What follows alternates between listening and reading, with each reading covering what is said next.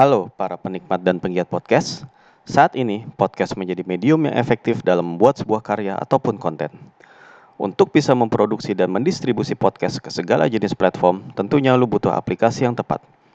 Gunakanlah Anchor untuk bisa mewujudkan itu semua. Selain memproduksi dan mendistribusi, Anchor juga memiliki data analitik untuk melihat performa lu sebagai podcaster. Udah gitu, semuanya gratis alias nggak dipungut bayaran. So, tunggu apa lagi? Install aplikasi Anchor di App Store dan Play Store sekarang juga, ataupun langsung aja akses ke www.anchor.fm. Buatlah aspirasi lu didengar dan bermanfaat bagi orang banyak melalui Anchor. Sekarang, mari kita dengarkan episode Kasamilan Podcast berikut ini sampai selesai.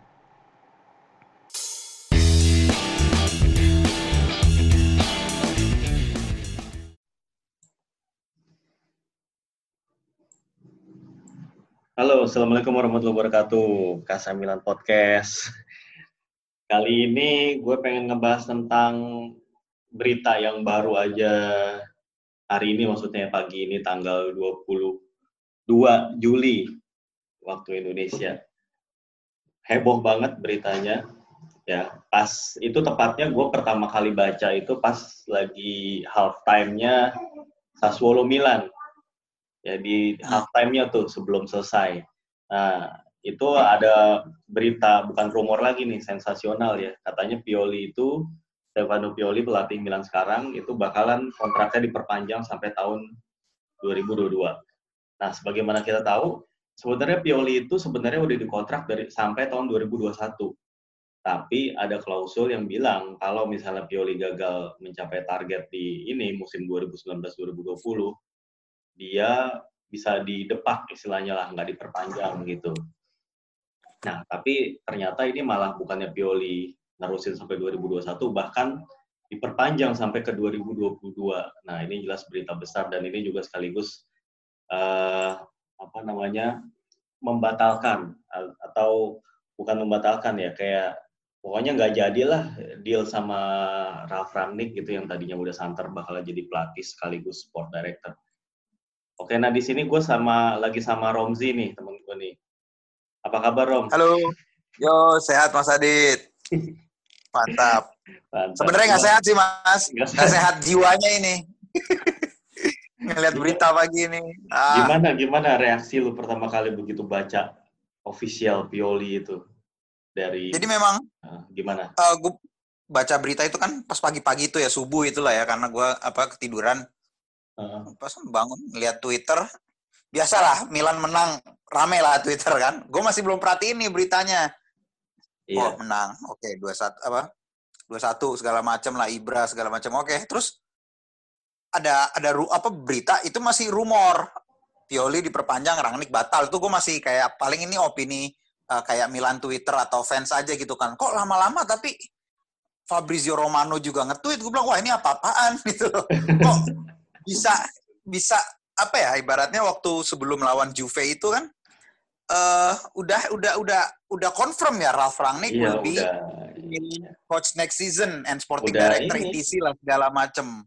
Udah here we go Fabrizio Romano. Udah here udah here we go itu dia. Itu gue kaget loh kok batal maksudnya um, kaget nih alasannya apa? Pas gue baca-baca lagi dari beberapa sumber memang karena alasan utamanya adalah Pioli membaik nih setelah restart uh, Serie A setelah apa setelah lockdown COVID. Iya. Membaik. Uh, kalau misalkan dari sudut pandang gue nih Mas, kalau uh. kita kalau gue cuma ngomongin subjektif ya sempit aja nih dari dari setelah restart COVID. Iya. Setuju gue Pioli performanya dibilang bagus, bagus banget, unbeaten.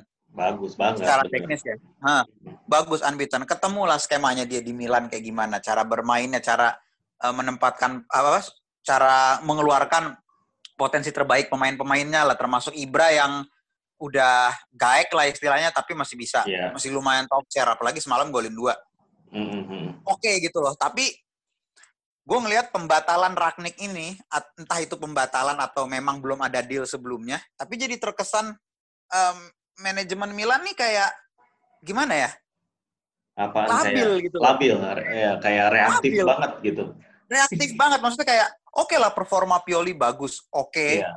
Uh, Menurut gue fine fine aja, tapi nggak hanya dengan uh, apa ya bikin hmm. kesimpulan hanya dengan baru 8 sampai 9 pertandingan ya Mas kalau nggak salah ya. Lupa gue 8 sampai 9 pertandingan. Ya, ya walaupun kalau dilihat di ini sih ada ada klasemen juga Rom, klasemen paruh musim kan. Itu di ya, ada klasemen paruh musim, musim itu Milan di urutan kedua di bawah Atalanta sebagai tim yang Iya, itu dari bagus. restart 2020 ya, restart 2020 ya. maksudnya dari ya. awal Januari. Dari uh -huh. sebelum Covid sampai uh, stop tiga bulan lanjut lagi memang Milan poinnya lumayan tinggi. Itu sebenarnya kalau gue ngelihatnya murni efek dari kedatangan Ibra. Sebenarnya ya, apa yang dari dilakukan Pioli itu, itu hmm. uh, dari pas Januari kan itu, apa yang dilakukan Pioli itu sebenarnya nggak nggak begitu banyak perubahan uh, sebelum Ibra datang. Pas ada Ibra datang memang lebih lebih enak lagi mainnya di lapangan. Kelihatan lah mentalnya beda.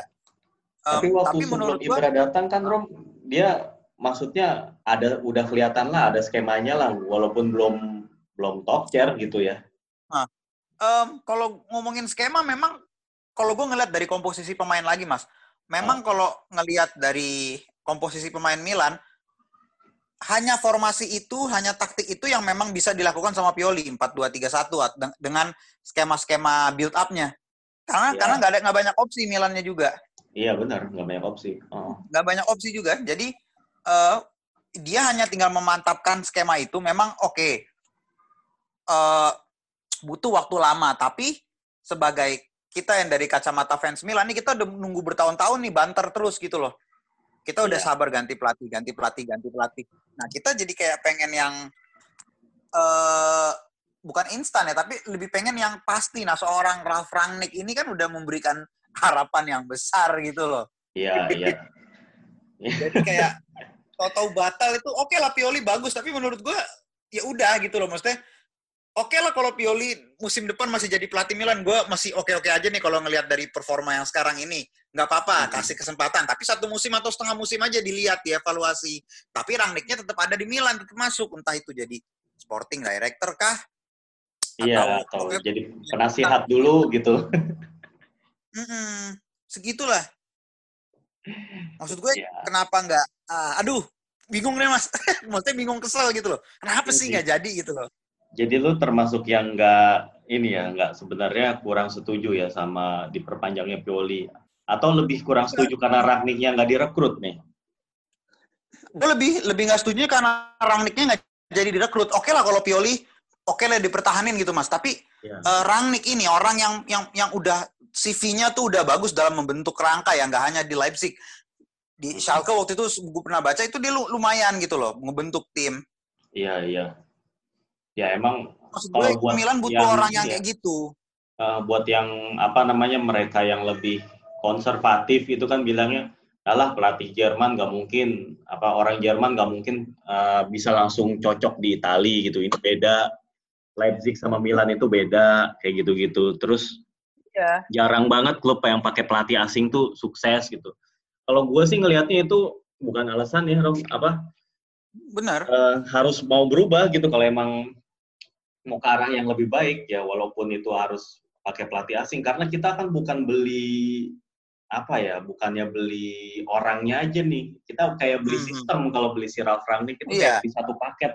Lu beli hmm. sistem kayak sistem pembinaan pemain muda, sistem rekrutmen pemain, terus uh, setup taktik, terus segala macam dari soal gizi lah, pokoknya dia ngatur semua gitu ibaratnya. Kalau emang udah sistemnya tuh udah jalan, nanti diterusin, bisa diterusin sama orang lain. Mm-hmm. Gitu. Lagian kalau menurut gue juga, uh, kalau gue sendiri ya dari pribadi, menurut gue udah nggak begitu uh, ini lagi ya soal ini kan balik lagi kalau misalkan tadi ngomongin pelatih asing gitu berarti kalau udah ada kata asing berarti ini kan ngomongin soal kultur sepak bola nih yang iya. yang menurut gue yang menurut gue itulah yang bikin Serie A tuh sebenarnya rada uh, apa namanya rada nggak maju Start, kita iya, lihat iya. tim-tim ya kita lihat tim IPL cuek aja itu pelatihnya dari Jerman kek dari Spanyol kek dari Brazil entah dari mana dari Portugal mereka nggak nah. ada tuh yang ngomongin kayak uh, mereka ini pelatih asing gitu loh, nggak cocok di Inggris gitu misalkan. Mm-hmm. Ya buktinya mereka megang gelar juara. Nah, itulah yang menurut gue seri A kurang maju karena ada mindset-mindset seperti yang kayak ah ini pelatih asing, pelatih Jerman tuh nggak cocok di Italia, bla bla bla bla bla bla segala macem. Padahal yeah, kita yeah, harus yeah. lihat uh, realitanya nih sepak bola modern sekarang udah berkembang. semua liga. Oke lah kita ngomongin top top 4-nya aja deh nih, eh top 5-nya aja deh nih. Yeah. Itu udah uh, semua liganya itu mm-hmm. itu menarik buat ditonton. Sebenarnya ya. Walaupun masih banyak yang menganggap Liga Italia itu kurang menarik, tapi dari empat selain Italia itu sebenarnya semuanya udah menarik ditonton karena memang yeah. tuntutan sepak bola yang lebih atraktif udah mereka mulai terapkan. Nah, kalau di Italia masih berpikiran seperti itu, pelatih asing gini gitu bla bla bla bla bla segala macem, ya susah maju menurut gue gitu ya. Mm-hmm. Coba lah nggak nggak nggak usah lah mikirin kayak gitu sebenarnya itu gue rada menyesalkannya di situ maksudnya ya kenapa gitu loh lanjut lagi sih yeah. Iya. uh, Pioli tapi tanpa Rangnick kalau ada Rangnick gue setuju yeah. entahlah posisinya apa pokoknya harus yang vital sebenarnya di manajemen itu ya mungkin itu satu paket kali sih Rom apa kalau gue ngelihatnya satu paket kalau misalnya uh, ada Pioli ada si siapa namanya ya pasti otomatis nggak bisa kerja bareng Rangnick gitu. Dia ada Pioli ya, ada Maldini kayak gitu. Ya, ada Maldini, uh, ada Ibra gitu. Itu sangkut pautnya kayaknya kayak gitu. Kalau gua ngeliat ada, ada ada ada garis ada garisnya lagi memang. Makanya nih sekarang rumornya Ibra katanya mau bertahan iya. satu musim lagi. Hmm. Gue gue terlepas terlepas dari soal Ibra itu bertahan atau enggak ya, tapi um, itu lebih terkesan sebenarnya kalau menurut gue itu lebih malah menunjukkan kesan kalau pemain ini nih kayak lebih besar dari klub. Maksudnya sangat berpengaruh sama keputusan klub. Gue justru ada nggak setujunya di situ ngelihatnya. Kalau misalkan yeah. Ibra bertahan atau Milan memang mempertahankan Pioli demi Ibra atau sebaliknya, itu menurut gue udah udah udah udah nggak ini nih, udah nggak apa sih namanya, udah nggak bener lah. Ibaratnya udah kayak timpang nih, udah ada yang manajemennya udah uh, apa sih istilahnya ya? Udah nggak balance lah gitu mas, ngerti nggak kayak yang harusnya tuh di mana-mana manajemen ya memang mereka yang punya power atas pemain juga gitu loh. Iya, iya. Kalau memang karena itu sangat-sangat nggak lucu aja alasannya. Tapi menurut gua, gua menyesali aja Rangnick akhirnya nggak jadi gitu. Dan ini cukup ngagetin sih. Iya banget lah. Nah, gitu. Oke. Okay. Welcome San. Welcome, welcome. Yuk. San. Eh. Iya, ada masih San. Iya, iya, iya. Sampai mana nih? Biasa. Rangnick nih, bikin gua marah. Kalau apa? Kalau opini pribadi gue, gue ngeliat pribadi gue juga ada di apa? Ada di sisi yang lebih suka atau lebih berharap Rangnick yang apa? Yang datang gitu. Mungkin sama kayak lo juga, Rom. Entah apa pun dia posisinya. Yeah. Kalau ada orang yang se sekredibel atau secapable si Rangnick, ya jangan lu sia-siain gitu. Dia udah mau. Benar. Dia udah, uh, pokoknya dia udah ngasih apa ya kayak ngasih udah pastilah dia udah ngobrolin ide-idenya gitu dan itu kan pasti jangka panjang gitu loh gue bukannya berarti sekali lagi uh, ini sih gue nggak bilang Milan itu blunder nggak nggak juga sih gue nggak nggak terlalu apa ya nggak terlalu uh, ngerasa bahwa Milan itu ngelakuin blunder dalam hal milih Violi karena Milan mungkin akan sekarang ini niru model modelnya Inter. Jadinya hmm. ya dia berharap ya Pioli itu kayak jadi Spalletti-nya lah gitu. Yang paling enggak nganter Milan lolos ke UCL dulu empat besar. Nah, habis itu dalam waktu berapa tahun barulah gitu pas udah finansial udah lebih stabil, pemain-pemain bagus bisa didatengin, baru habis itu pelatih yang lebih terkenal. Yang mana itu Allegri lagi kayaknya. Tapi apa BP Mora tapi Inter ini ngambil BP Morata itu yang sebenarnya gue berharap jadi rangniknya di Milan. Ya mungkin mereka udah percaya sama Maldini kali. Um, apa belum sebanding? Bukannya, bukannya mengecilkan atau nggak suka sama Maldini, cuman gue nggak tahu ya kalau Maldini dibandingkan dengan Rangnick menurut gue masih jauh levelnya. Ya. Maldini terbaik as a player menurut gue, tapi untuk di manajemen kayak gini, Maldini masih di bawah kalau menurut gue soalnya masih ada nama-nama besar lagi di atas dia yang yang berhasil membawa klubnya sukses ya. Salah satunya tuh Ralf Rangnick. Nggak iya. ngomongin yeah. tim besar loh. Leipzig itu bukan tim besar pada waktu Rangnick pegang. Hmm. Tapi sekarang jadi tim besar di Jerman, salah satu tim besar. Kan itu prestasi yang atau CV yang bagus banget buat Rangnick. Iya. Lu, lu sendiri gimana saat ngelihatnya soal penuh apa, apa? Pioli diperpanjang ini San? reaksi lu udah pertama gimana? Gue sih nggak kaget. Emang udah ngira ya? Bukan udah ngira. Apa sih yang diharapin dari inian? Maksudnya ini kan Milan ini masa peralihan nih. Hmm. Gaji di situ oportunis. Iya gak? Sebagai oportunis tuh yang dilihat pasti yang depan mata sekiranya bisa nguntungin lebih cepat lah. Oke. Okay. Ya. Nah makanya ada apa waktu dia bikin keputusan wah gue mau bikin mau ngambil Rapralnik Rapralnik ini kemungkinan kalau misalnya diambil dia bakal ngegeser banyak tempat di di posisi manajemen ya udah gitu bakal bawa banyak orang juga dari Jerman kan banyak orang juga terus Gazi di sendiri gue yakin dia belum terlalu settle sama budaya Itali sama Milan sebelumnya sama klubnya makanya mungkin dia pada mulanya dia tuh ngambil Maldini, terus Leona apa? Pokoknya orang-orang yang Boban, ya orang-orang yang menurut dia udah udah banyak tahu soal Milan di dalam di dalamnya gitu. Mm-hmm. Sebenarnya kalau misalnya ngelihat dari beberapa pergerakan Gazidi sih emang dia termasuk sosok yang oportunis banget. Maksudnya dia itu dia nggak dia tuh punya beberapa keputusan tapi dia nggak mau jadi orang yang ditunjuk gitu. Ya, ya, ya. Dari selama di Milan ya. Makanya dia pas bilang mau Rangnick, Rangnick mungkin adalah salah satu tuh, salah satu rencana Elliot gue nggak tahu nih. Mm-hmm. Elliot untuk membangun gitu, tapi mungkin dengan target yang lebih, yang maksudnya targetnya itu nggak kayak si dia Rangnick waktu dikasih ke Leipzig gitu. Dan kebebasannya pun kayaknya nggak nggak terlalu sebebas itu pasti ada porsi-porsi yang mungkin harus dibagi-bagi dulu nih. Iya, bisa jadi gitu. Nah, sedangkan di Milan ini kan sebenarnya ya Maldini dalam dalam satu tahun kebelakangan hmm. untuk seorang pemula itu bagus. Harus objektif itu bagus. Iya, pemain-pemain yang dia, dia ambil, yang dia beli terbukti kepake, terus dia bisa nurunin biaya gaji kayak gitu-gitu ya kan? Iya dia kan sebenarnya baru kalau dalam hal ini kan. Mm-hmm. Nah terus di sisi lain ya Pioli, Pioli ini juga dia bisa bikin skuad yang ada jadi kelihatan mewah lah yang sekarang. Iya. Kalau meskipun ini sebenarnya sebenarnya hmm. faktornya banyak ya. Maksudnya Pioli Pioli bisa bagus banget nih kan faktornya ada banyak banget nih. Dalam nah. dari dari pasca corona dan ini belum tentu bener-bener bisa kejadian kayak sekarang kalau misalnya kondisinya normal. Nah itu, maksudnya perhitungan-perhitungan kayak gitu tuh sebenarnya nggak terlalu iya. disiapin banget. Yang disiapin itu gimana nih posisi idealnya dalam waktu yang secepat-cepatnya, yang sesingkat-singkatnya.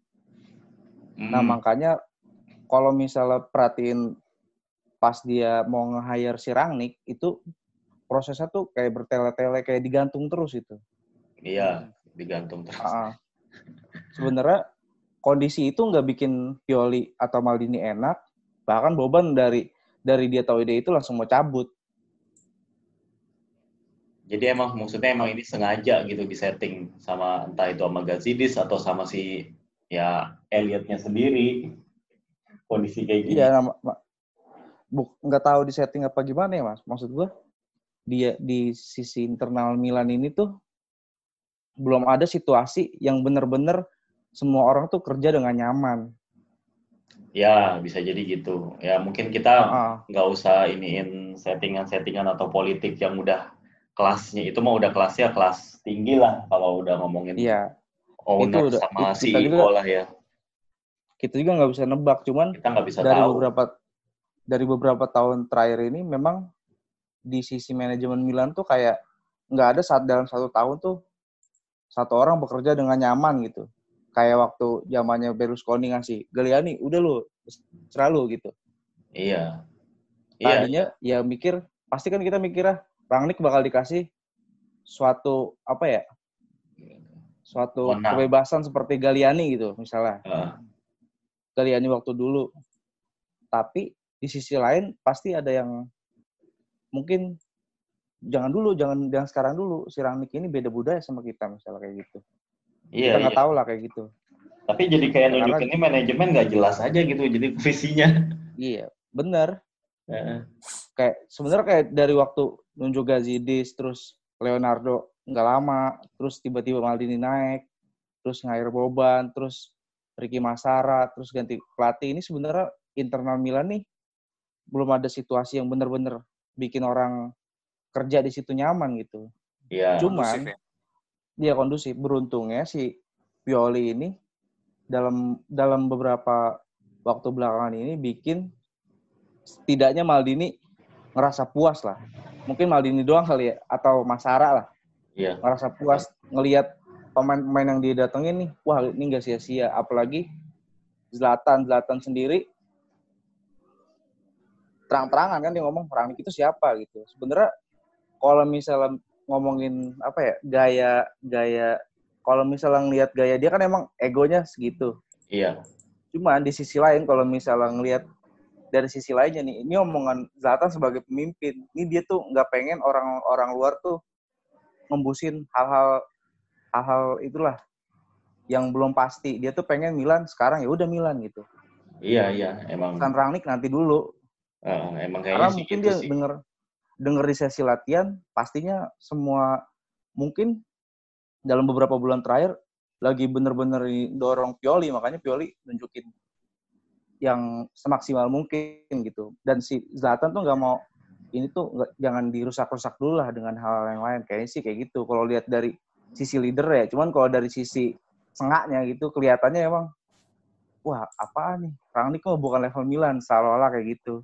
Iya iya itu sih kayaknya sih omongan dia buat kayak mempertahankan posisinya di Milan aja sih kalau gue juga ngeliat ada unsur kayak gitu. Nah hmm. terus kalau Pioli sendiri nih, gue gue ngelihatnya sih gue ngebandingin ya Milan zaman Gattuso. Kalau Milan zaman Gattuso itu benar-benar full grinta. Itu Milan tuh main tanpa rasa takut, semangat tinggi. Tapi soal uh, kekayaan taktik, planning atau kayak kemampuan untuk nerobos lini pertahanan lawan itu masih kurang gitu.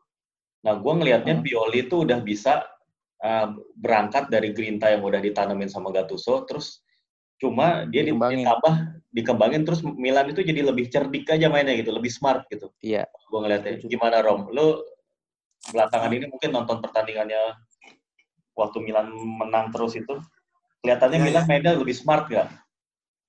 Um, makanya yang tadi sempat gue bilang oh, si Pioli ini bisa uh, mengeluarkan potensi terbaik pemain-pemainnya yang sekarang nih yang yang ada gitu loh yeah. dan uh, memang kalau gue ngelihat dari kalau ngomongin dari segi taktis ya di bagian depan itu mas itu memang banyak ada banyak kebebasan role ya maksudnya eh kebebasan role apa kebebasan untuk uh, ya free roll istilahnya jadi pemain-pemain itu nggak yang gitu ya. rigid ya. di depan ya nggak uh. yang rigid stay in position tapi mereka dikasih uh, ruang untuk roaming istilahnya untuk roaming untuk nyari celah untuk ngebuka celah bahkan kayak kita nonton lawan Sassuolo kemarin Ibra tuh berapa kali dia uh, drop drop ke, ke, ke dalam ya, ya maksudnya ke arah tengah dalam kan, ngebuka, dropping deep kan. Iya, ya. ngebuka space dan Ibra itu memang tipikal yang bagus untuk menangin uh, first ball.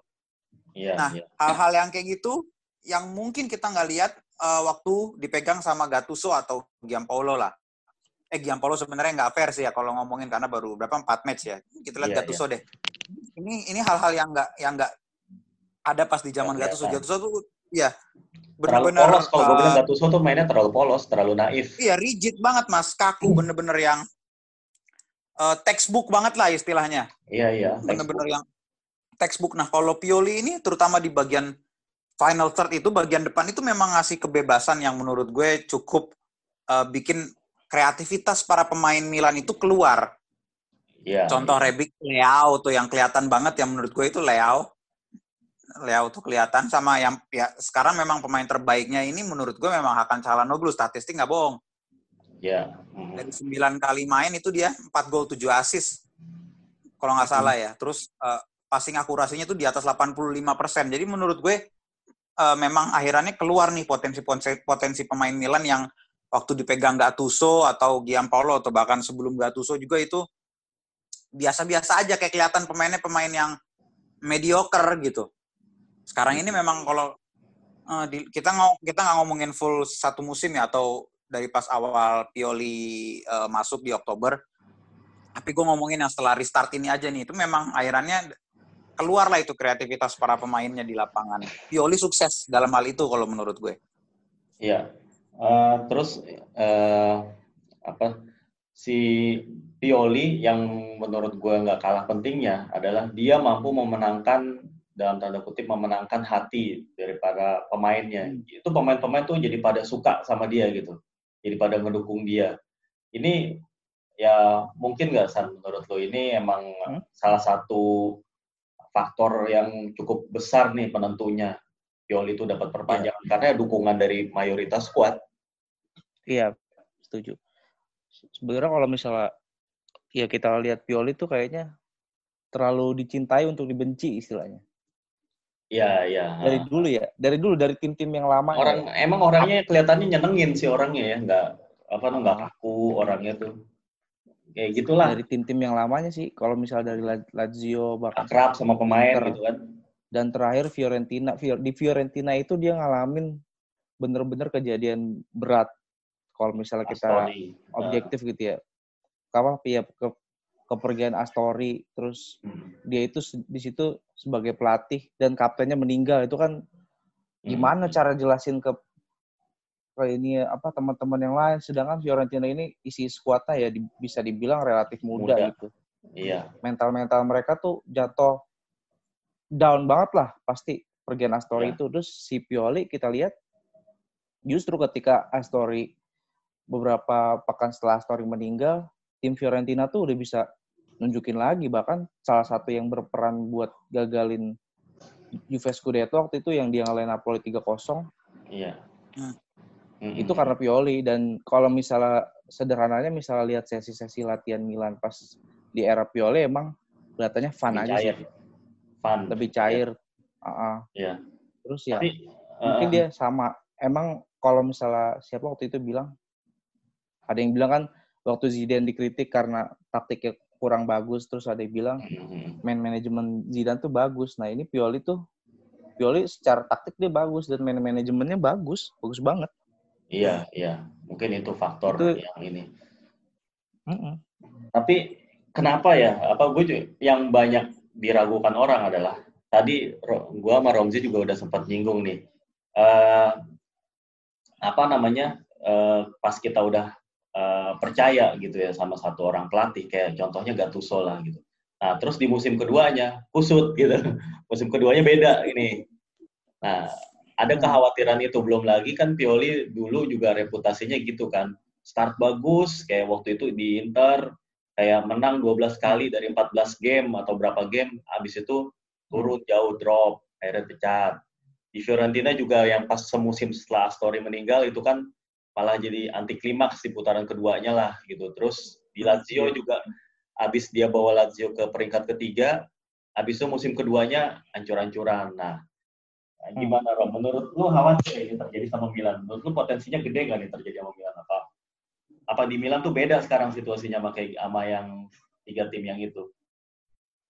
Ya, gue lihat lagi ininya sih. Uh, transfernya dulu nih nanti. Tapi kalau andaikan transfernya sesuai sama yang Pioli inginkan, mungkin itu uh, minim lah Mas ya, balik lagi. Uh, tapi gue yang gue takutkan yang kita tadi sempat bilang, gue takutnya nasibnya Pioli itu kayak oleh di MU. Uh, caretaker habis Mourinho dipecat, hmm. bagus, dapat kontrak baru, ya. hancur-hancuran habis itu justru. Cuman habis itu apa bedanya board MU tuh masih sabar sama Ole dan akhirnya menanjak Banyak. lagi kan di akhir nah, musim. Gitu. Nah, nah, Milan ini boardnya nih ya kayak kita yang kayak kita ngomongin sendiri dari tadi Rangnick jadi tiba-tiba nggak jadi kan ada kemungkinan juga Pioli dikontrak sampai 2022 tapi baru 5 match musim baru besok bisa jadi dipecat mungkin dong. Yang Paulo pun nasibnya kayak gitu. Jadi manajemen Milan ini unpredictable banget menurut gue. Jadi kalau Pioli Pioli itu memang kayak dipaksa untuk uh, setiap match itu adalah kayak uh, berapa match terakhir lu untuk supaya dipecat. Ngerti nggak maksudnya? Iya, iya, iya. Jadi ibaratnya setiap match itu pressure-nya dia tuh gede dari manajemen kalau menurut gue ya. Hmm. Terbukti sekarang akhirannya dia main bagus, manajemen ngasih dia kontrak. Kalau hmm. gue mikir sebaliknya, dia main jelek, dia bisa diputus kontrak. Iya. Sebenarnya kayak gitu. kecuali kalau Milan nanti pas transfernya ini um, uh, tepat ya tapi gue nggak tahu nih uh, kemarin kan banyak pemain-pemain yang ibaratnya dalam tanda kutip dititip Rangnick ya kecuali yang gue tahu Soboslai kalau Soboslai memang incerannya Milan. Ada iya. nggak ada Rangnick memang mau dibeli. Cuman yang lainnya gue nggak tahu nih. Karena uh, sejak ada isu Rangnick mau masuk itu transfer isu-isu transfer Milan itu semua dikaitin sama Rangnick. Nggak ada yang iya, dikaitin iya, iya. sama Pioli. Hmm. karena memang orang tahunya Pioli udah nggak jadi pelatih Milan musim depan. Nah tapi ini sekarang gue berharap uh, si Pioli tuh bisa milih pemain atau dia berkonsultasi lah dengan Maldini dan Masara dan segala macam untuk beli pemain yang memang capable buat bawa mereka uh, naik lagi kayak misalkan coba beri kayak Eric Pulgar yang lagi ketahuan bagus di liga udah tahu liganya gitu loh terus yeah. striker gaek eh nggak gaek sih maksudnya striker yang lagi uh, menurut gue nih lagi golden age-nya dia lah umur 27 tuh Belotti itu kan karena timnya aja sebenarnya yang kurang mendukung dia padahal dia lagi yeah. bagus nih menurut gue dia bagus coba hmm. kalau bisa beli beli yang kayak gitu nggak usah lah beli beli bin, apa rumor-rumor bintang atau rumor-rumor wonderkid gitu terlalu banyak menurut gue beli pemain matang aja sih sebenarnya. Nah. itu yang harus dipikirin sama Pioli. Nah iya. Sekarang kan berarti kalau dengan gak ada Ragnik itu kan kayak strategi beli pemain umur uh, maksimal 24 dan salary cap segini. Mungkin kalau salary cap masih lah ya. Kalau transfer pembatasan juga masih ya.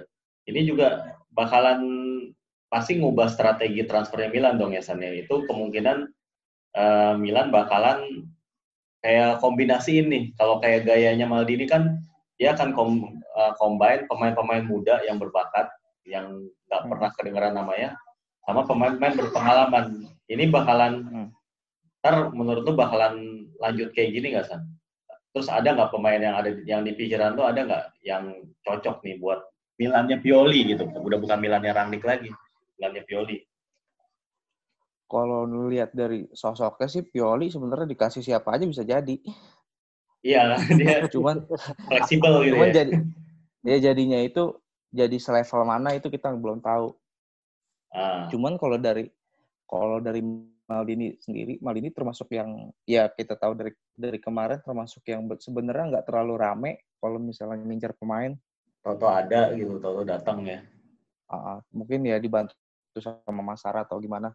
Cuman hmm. yang dia lihat, ya dia mungkin belajar dari Galiani waktu dulu ya, waktu dia masih jadi pemain kali ya. Maksudnya kadang-kadang orang yang pertamanya di, dianggap ya ini apa nih tim-tim apa pemain-pemain dari calon iya. degradasi dari siapa tuh gitu, Benacer siapa tuh Theo Hernandez Benacer. begitu orangnya ada Iya, yang awal diremehkan karena kalau misalnya balik mundur ke beberapa tahun belakangan Milan tuh terlalu hype selalu hype di awal bursa transfer sedangkan di akhir musim nangis itu. Iya. ini nggak terjadi tapi di tahun ini sebenarnya. Iya nggak Di tahun ini ada ada satu momen di mana waktu awal musim diremehkan di di akhir musim ya ada sanjung-sanjungan lah tentang pemain bursa-bursa transfer ya. Mm-hmm. Karena dari dari beberapa tahun belakangan ya kita lihat sendiri maksudnya pemain datang datang pergi terus dengan label dengan beban yang berat. Nah, di tahun ini kayaknya enggak enggak enggak kayak gitu gitu. Ada ada perubahan sedikit yeah. lah dari segi bursa transfer. Dan sama, dia nge, ini enggak sih sama dia ngedatengin Ibra tuh. Iya. Uh, Ibra sama Pierre. Iya, Ibra sama Kier ya buat pemain berpengalamannya gitu.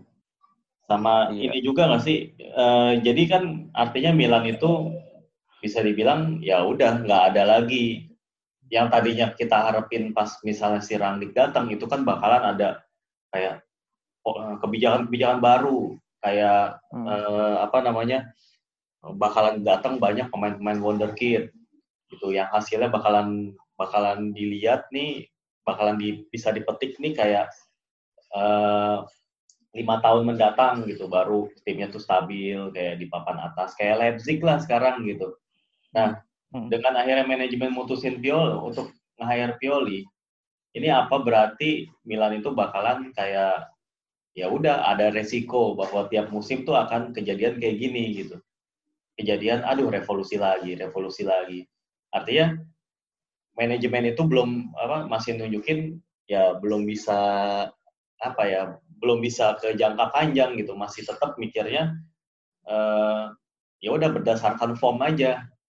Berdasarkan form lagi bagus suasana tim lagi kondusif ya udah buat apa diganti gitu. Tapi sebenarnya rencana ke depan tuh kayak ya udahlah ya ntar aja gitu. Beda kan sama halnya kalau misalnya lu uh, orang yang kayak nge-hire orang yang kayak si Ralph Rangnick ya dia udah punya rencana begini bakalan apa targetnya tuh bakalan uh, tahun misalnya tahun pertama kedua ketiga bakalan hmm. segimana gitu tapi kan kalau yang kondisi sekarang pasti kan ya nggak jauh beda sama, sama yang tim-tim lain gitu Iya. Karena sebenarnya kalaupun Rangnick datang, tadi gue bilang sih, apa iya bakal dia dikasih kebebasan itu? Maksudnya hmm. si Elliot ini apa iya bakal nunggu selama itu? Apa punya kesabaran? Terus yeah. tifosinya kayak gimana? Terus dari sisi internal pemain yang udah ada sekarang kayak gimana? Kalau misalnya lihat di awal musim tuh, Jam Paulo nggak berani, nggak berani, nggak berani pakai pemain yang datengin di bursa transfer saat itu. Dia masih pakai pemainnya Gattuso dengan gaya main dia, makanya makanya nggak works. Gitu. Iya iya. Yeah. Nah, misalnya Rangnick katakanlah misalnya jadi nih, terus dengan bukan dengan kebebasan waktu dia di Leipzig. Leipzig kan dia tuh bener-bener kebebasannya tuh besar lah. Iya. Dibatesin. Yeah. Kayak kemarin aja kan sebelum dia datang masih ada masih ada isu dia bakal dampingin eh bakal ada di SD sporting director Pioli tetap pelatih.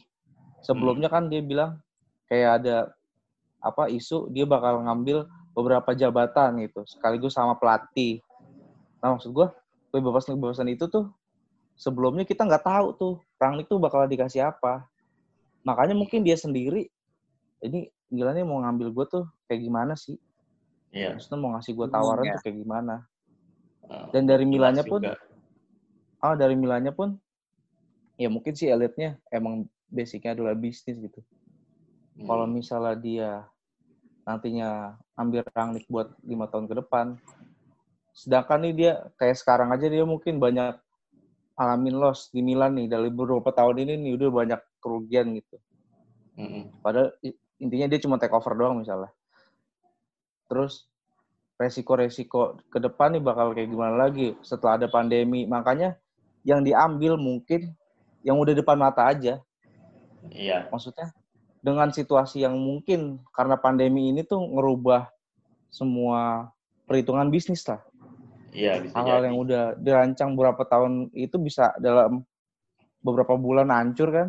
Makanya dilihat aja yang udah pasti dulu gitu mungkin kalau menurut gue sih. ya namanya bisnis plan itu kan mungkin nggak ya publik juga nggak tahu ya cuman kalangan manajemen aja yang ngerti gitu. Bisa jadi sih. Iya, iya. nah kalau iya. uh, tadi jadi balik lagi ke gimana Rom? Menurut lo ah, Milan itu blunder.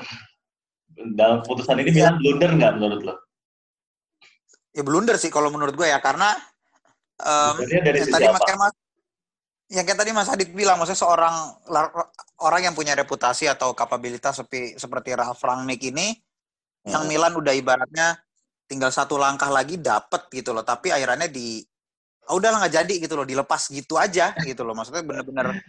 Iya, iya. Padahal apa pun yang kita bahas ini ataupun yang fans takutkan soal Rangnick ini segala macam banyak gue liat Milan Twitter yang nggak setuju sama Rangnick segala macam itu kan hanya ketakutan semata ya yang yang kita sendiri aja nggak tahu kinerjanya Rangnick. Tapi yang kita lihat dari Rangnick itu adalah hasil yang udah dia jadiin aja.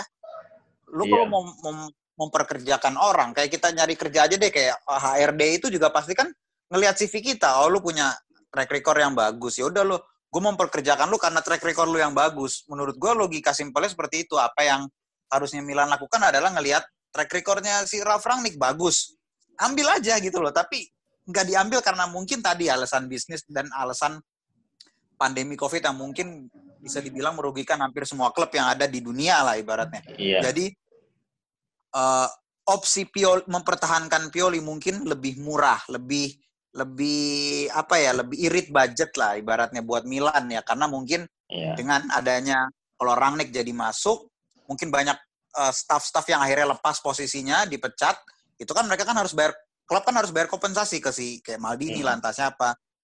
Hmm. Pemutusan hmm. kontrak itu terminate terminate kontrak kan harus ada kompensasi yang dibayar dan itu mungkin Iya.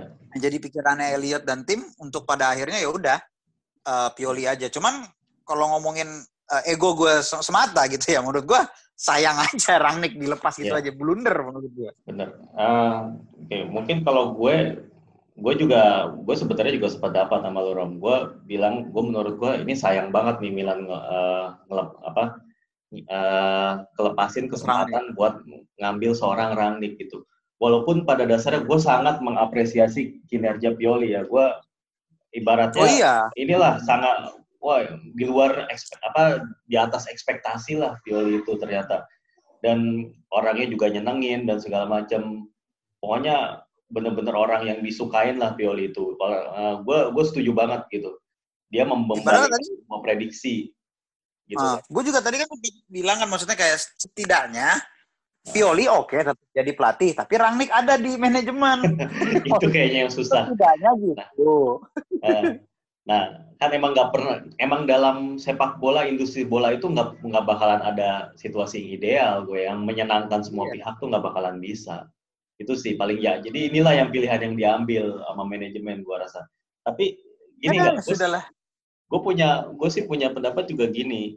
Apa uh, dengan Pioli ini dipermanenin gitu, gue tuh ya itu tadi yang seperti yang gue udah bilang, gue sih takutnya ya gagal, terus akhirnya ya Pioli juga ibaratnya nih ya ya kalau kita berbicara ini ya berandai-andai gitu ya.